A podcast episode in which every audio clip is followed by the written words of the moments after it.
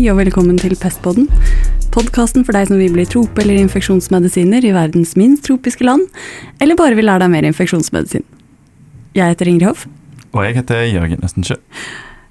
Og det er lett å bli overveldet av antibiotikaresistensen, føle seg maktesløs og tafatt. Ja, det er litt sånn klimakrisen. Det er jo det, som vi nevnte i forrige episode. Og når snøballen først har begynt å rulle, hva kan vi egentlig gjøre? Når vi tenker over dette her med ti millioner dødsfall pga. resistens i år 2050, så, så føler jeg meg håpløs. Ja. Men i del to av antibiotikaresistensen så vil vi jo bringe inn litt håp. Mm. Mm. Ja, så derfor så har vi tatt en tur for å intervjue en som virkelig gjør noe for å bekjempe resistensen, og det er Adam Roberts, erfaren forsker og akademiker ved Liverpool School of Tropical Medicine. Han har jobbet mye med utvikling og spredning av antibiotikaresistens, eh, i tillegg til utvikling av nye medikamenter. Han er leder for bl.a. Transposonregisteret og koordinerer NIR-AMR, eller Nettverket for europeiske og afrikanske antibiotikaresistensforskere.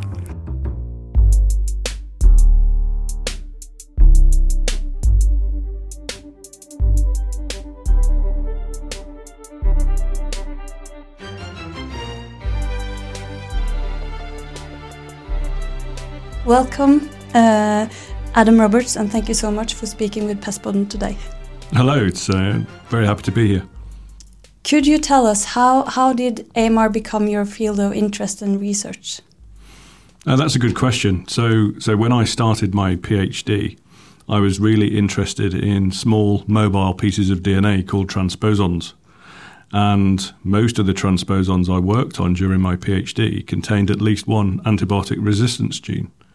So after sort of three or four years of working on these pieces of mobile DNA, I kind of became very interested in AMR as a problem as well, and how the mobility of AMR genes within bacterial genomes and between bacteria themselves really affects their transmission and spread. So it was kind of a result of working on something slightly different, the molecular genetics of mobile DNA, which pulled me into AMR. And then seeing the, the likely consequences of AMR globally um, really kind of hooked me as something I wanted to work more in. Men så er det disse her dystre utsiktene, da. Flere mennesker kommer til å dø av AMR enn av kreft, og ti millioner årlige dødsfall i 2050 hvis vi ikke gjør noe. Stemmer egentlig det? Er disse tallene realistiske? Vi spør Adam Roberts. Er det bare gloom and doom? That's a good question. So it is quite doom and gloom. Um, and those original figures of uh, 10 million deaths per year by 2050 attributable to AMR came out of the AMR review, which was a review which finished in 2016, led by Lord Jim O'Neill uh, and commissioned by the UK government when David Cameron was uh, Prime Minister. And what they showed was that if trends continue as expected and there's no intervention, so there's no new antibiotics, and everything becomes resistant to every drug, then we could expect sort of 10 million deaths per year. Now that seems quite fantastical, really. That's that's in the realms of science fiction. But last year, a really landmark paper was published in the Lancet, and they showed that in 2019 alone, there were almost 5 million deaths associated with AMR. So that's quite a massive number already. We're half, Could- halfway to 2050. Exactly. And we don't know what's around the corner. So when I think about that figure now of 10 million deaths per year, I don't find it at all surprising. Um, I think it's well within the realms of possibility. And it just shows the urgent nature of the problem that we're trying to tackle. Og det kommer til å bli verre hvis vi ikke gjør noen ting. Yes, undoubtedly. We continue to cover the world in a thin film of antibiotics. So we're providing the exact selection pressure needed for selecting bacteria that become resistant globally, really. Så det er altså enda mørkere enn jeg trodde, Jørgen. 10 millioner dødsfall i 2050 kan være et underestimat. Oi. Ja. Vi trenger gode nyheter raskt, og i researcharbeidet til denne episoden her, så kom jeg over en forelesning av Roberts om hvor lite som egentlig skal til, relativt sett, i forhold til størrelsen av våre globale økonomier. I think, if I remember rightly, the the estimated cost by 2050 to the global economy was in the trillions of US dollars, whereas it would probably only take a few billion to fix the antibiotic research and development pipeline. And that's a really important thing to do because we can bring in control strategies and stewardship strategies globally, but without the sort of arrival of new drugs to the international markets, new antibiotics, we're going to have to keep relying on the older ones. This just gives the bacteria more and more of a selective window where we select for the resistance that develops in the bacteria. So we really need to stop using the same drugs over and over again. And the only way we can do that is to have replacement drugs or replacement therapeutics. Mm. And and do we have that by now? No, unfortunately not. We've got quite a lot of reasonably new chemical entities, such as the teixobactins, uh, which is a novel class of drugs with a completely novel target. That's an excellent story, actually. It just shows that with the right technology and funding, you can find new drugs. But it's bringing those drugs to market which is the issue, because you've still got to go through 10 or 15 years of preclinical development and clinical trials to show that they're safe for the use in humans. And that costs a lot of money. Mm. That's going to cost in excess of a billion US dollars per drug. So you have to think then who's going to pay for that? Should it be a company which will only really invest in it, and rightly so, if they're going to make a profit because they've got shareholders? Mm.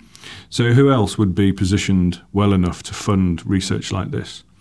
And those thoughts lead me to governments. Mm.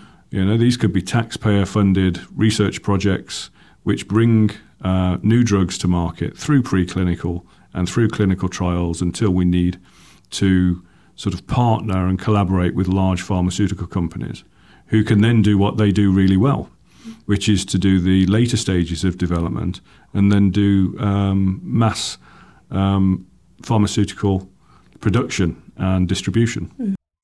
Så dette bør altså være et globalt, internasjonalt samarbeid der alle land bidrar, eller iallfall de rike landene? Absolutely, it, it really should. We, we should be thinking along the lines of making the drugs for the bugs where the bugs exist.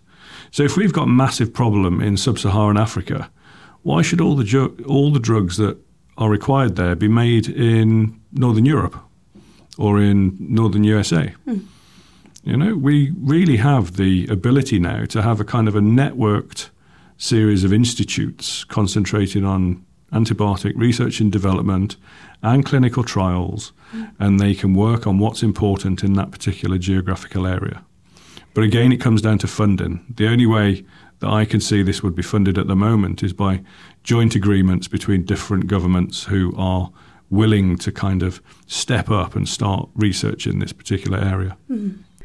Tror Adam Roberts at det er mulig å endre denne dystre fremtiden hvis vi gjør alt dette og jobber sammen? I do. I've, I've got hope that we can manage this situation. We're never going to solve AMR because we're never going to stop bacteria uh, evolving resistance to the antibiotics that we throw at them. But what we can do is manage it. We can sort of intelligently cycle through different antibiotics over different years. So there's not that constant selective pressure always present, ready to select for mutations or gene acquisition events that lead to resistance. And we can combine that with different therapies. So that could be bacteriophage therapy, for example, for some clinical indications, whether that's burn wounds or uh, enteric diseases. Bacteriophage won't be um, useful for everything, but they probably have a place. And it's nice to see research developing in that field as well. Mm. But additionally, we've got more kind of soft approaches, such as correct stewardship on a global scale. Different stewardship considerations need to be implemented in different hospitals, all in different countries.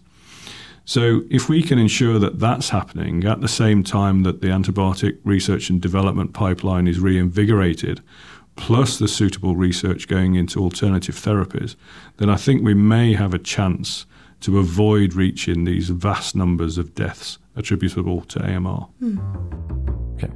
Det er veldig betryggende å høre at det er håp, selv om det meste ser litt mørkt ut når vi snakker om antibiotikaresistens. Kan Adam Roberts fortelle oss mer om eh, de mer positive nyhetene innen resistensforskning, og spesielt hans eget prosjekt Swab and Send, der folk tar bakterieprøver hjemme og sender inn til ham. Sure. So, so the Swab and Send project is a, a citizen science project that I kind of came up with in 2015. And this is where I really wanted to sample random environments for microbes which could produce um, novel antibiotics. So, what a lot of people don't know is that the majority of the antibiotics that we use are actual natural products produced by bacteria and fungi themselves, and they use these to compete in their natural environments for food and space and other resources. And this is what Alexander Fleming found when he discovered um, he discovered penicillin.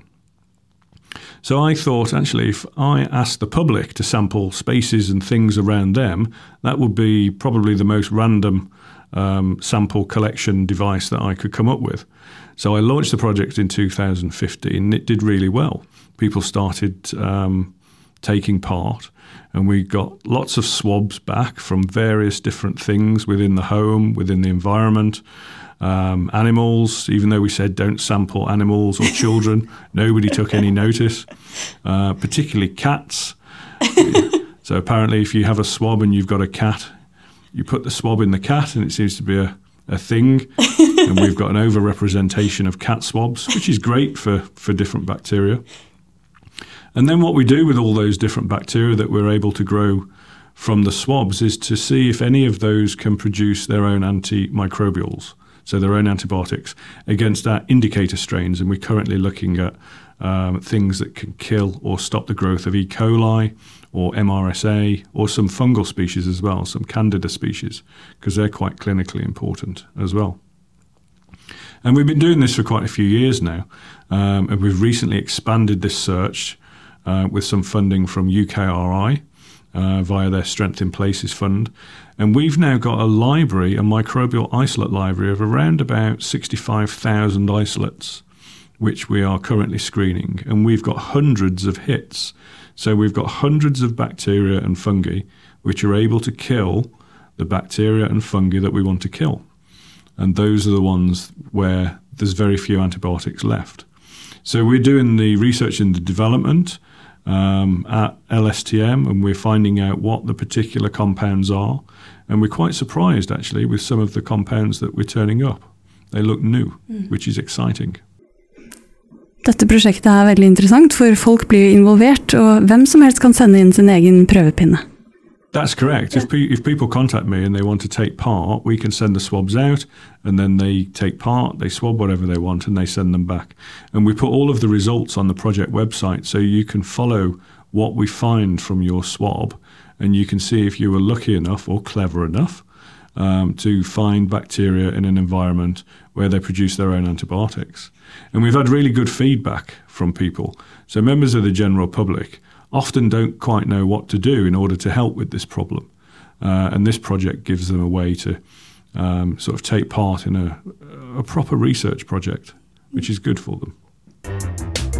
Adam Roberts er involvert i mange andre prosjekter òg. Kanskje han kan fortelle oss litt mer om antibiotikastyringsprojektet Stressed? Sure. So the Stressed project is funded by the Joint Program Initiative on AMR. Um, and it is a consortium of researchers from here in Liverpool, uh, from the Centre of Ecology and Hydrology in Oxford, uh, from Bergen University in Norway, and from a bioveterinary institute in the Netherlands, together with uh, a hospital in Malawi. And what we're planning on doing there is monitoring what happens with their wastewater outflow when we introduce hospital wide antimicrobial stewardship activities.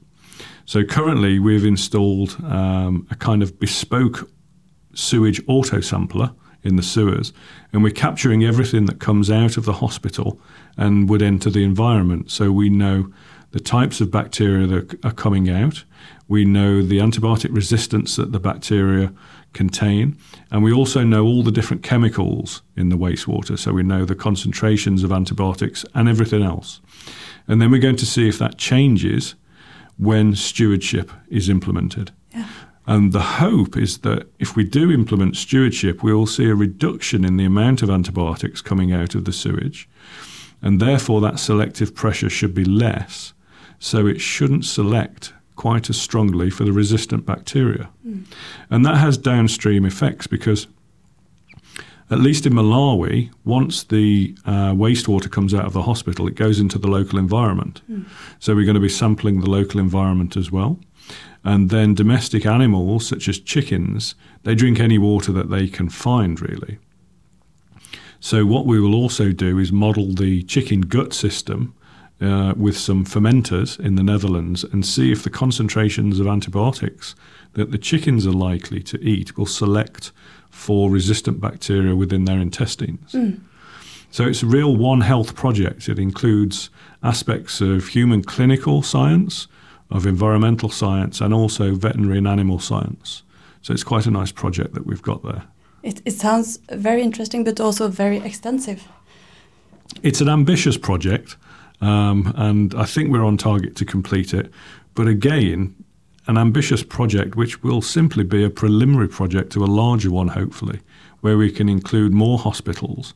And these would hopefully be in Norway and the UK, because then we could capture data from different hospitals with differing stewardship activities. Når Adam Roberts snakker om dette, så tenker jeg hvorfor er ikke dette standard overvåkning i moderne sykehus? I completely agree, and hopefully the data from the Stress Project will provide a good baseline uh, for the industry to think about what they could monitor for.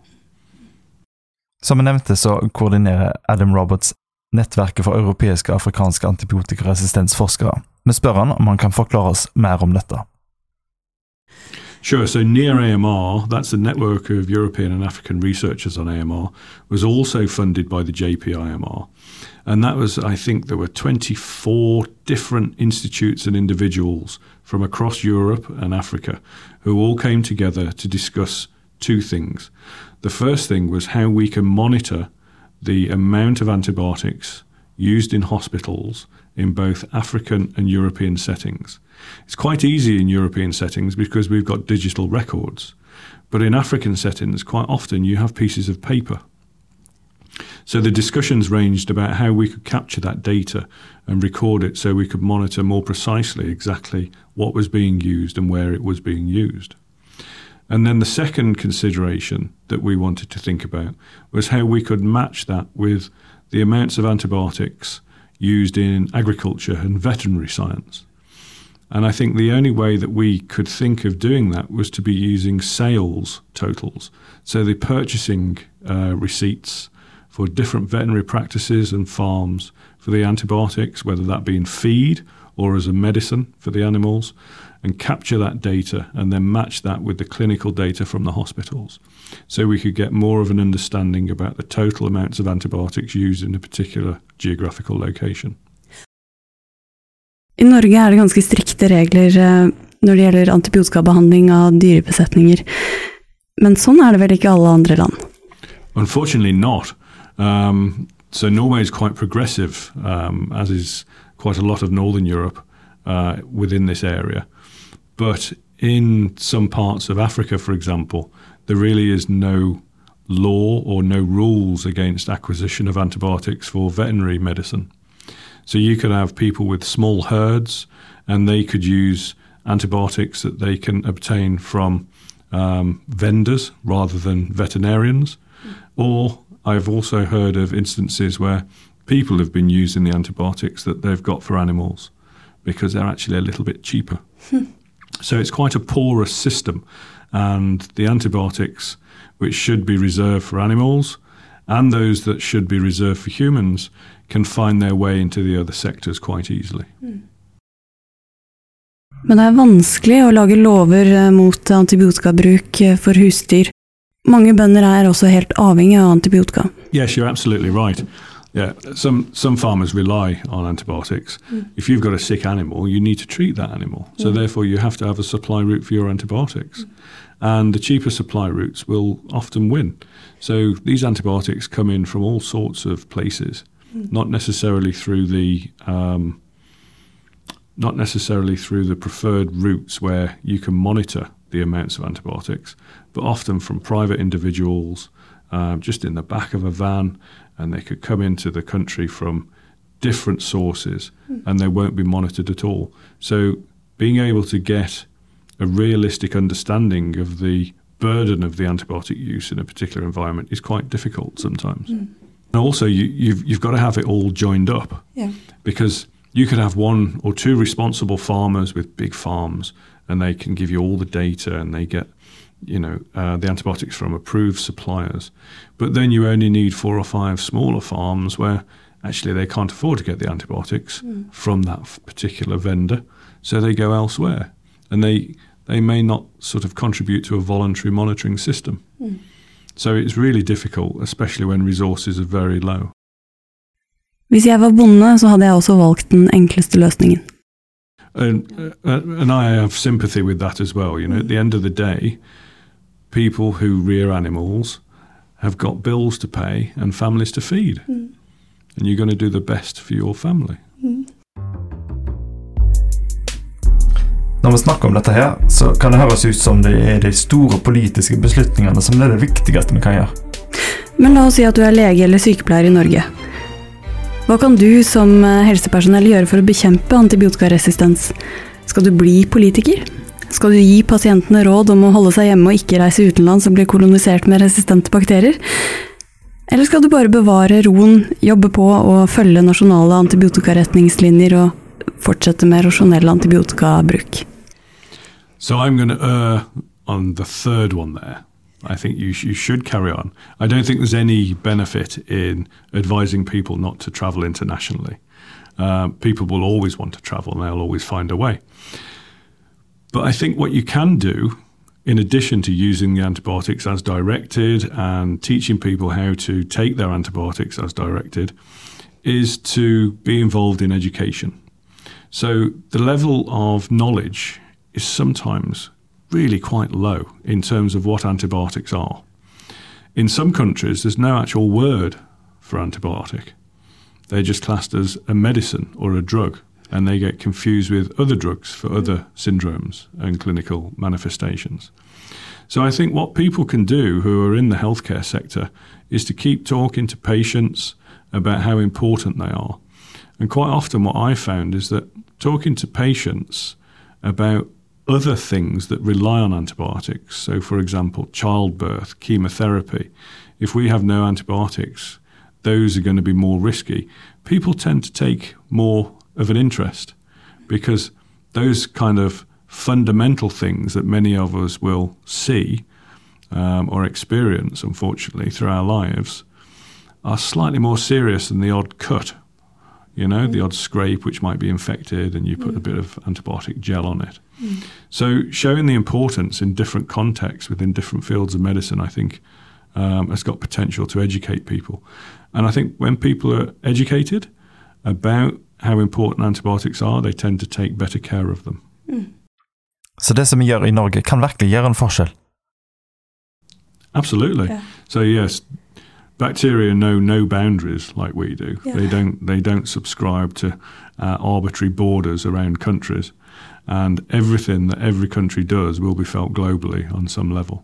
So it's important, really, that there's a concerted action, and this is why it's so important that most countries in the world now have a national action plan or a NAP, because mm. they're all kind of strategically aligned to deal with the international aspect of AMR mm. as a, as a global level, each country should have their own their own national action plan, mm. and the UN have um, also come up with a global action plan. So the national action plans should align to that.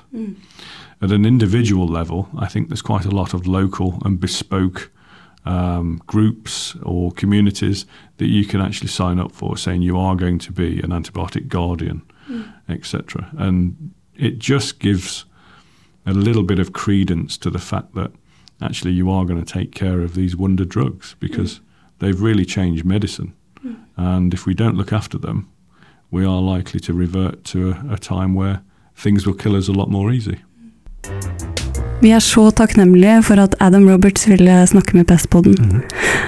Så vi håper at eh, du som lytter føler at tåkeheimen har letta. Og at uh, kunnskapshunden er blitt litt Ja, Jeg heter Ingrid Hoff, Og jeg heter Jørgen Østensjø. og du har lyttet til en episode av Pestpodden, en podkast fra Helse Bergen.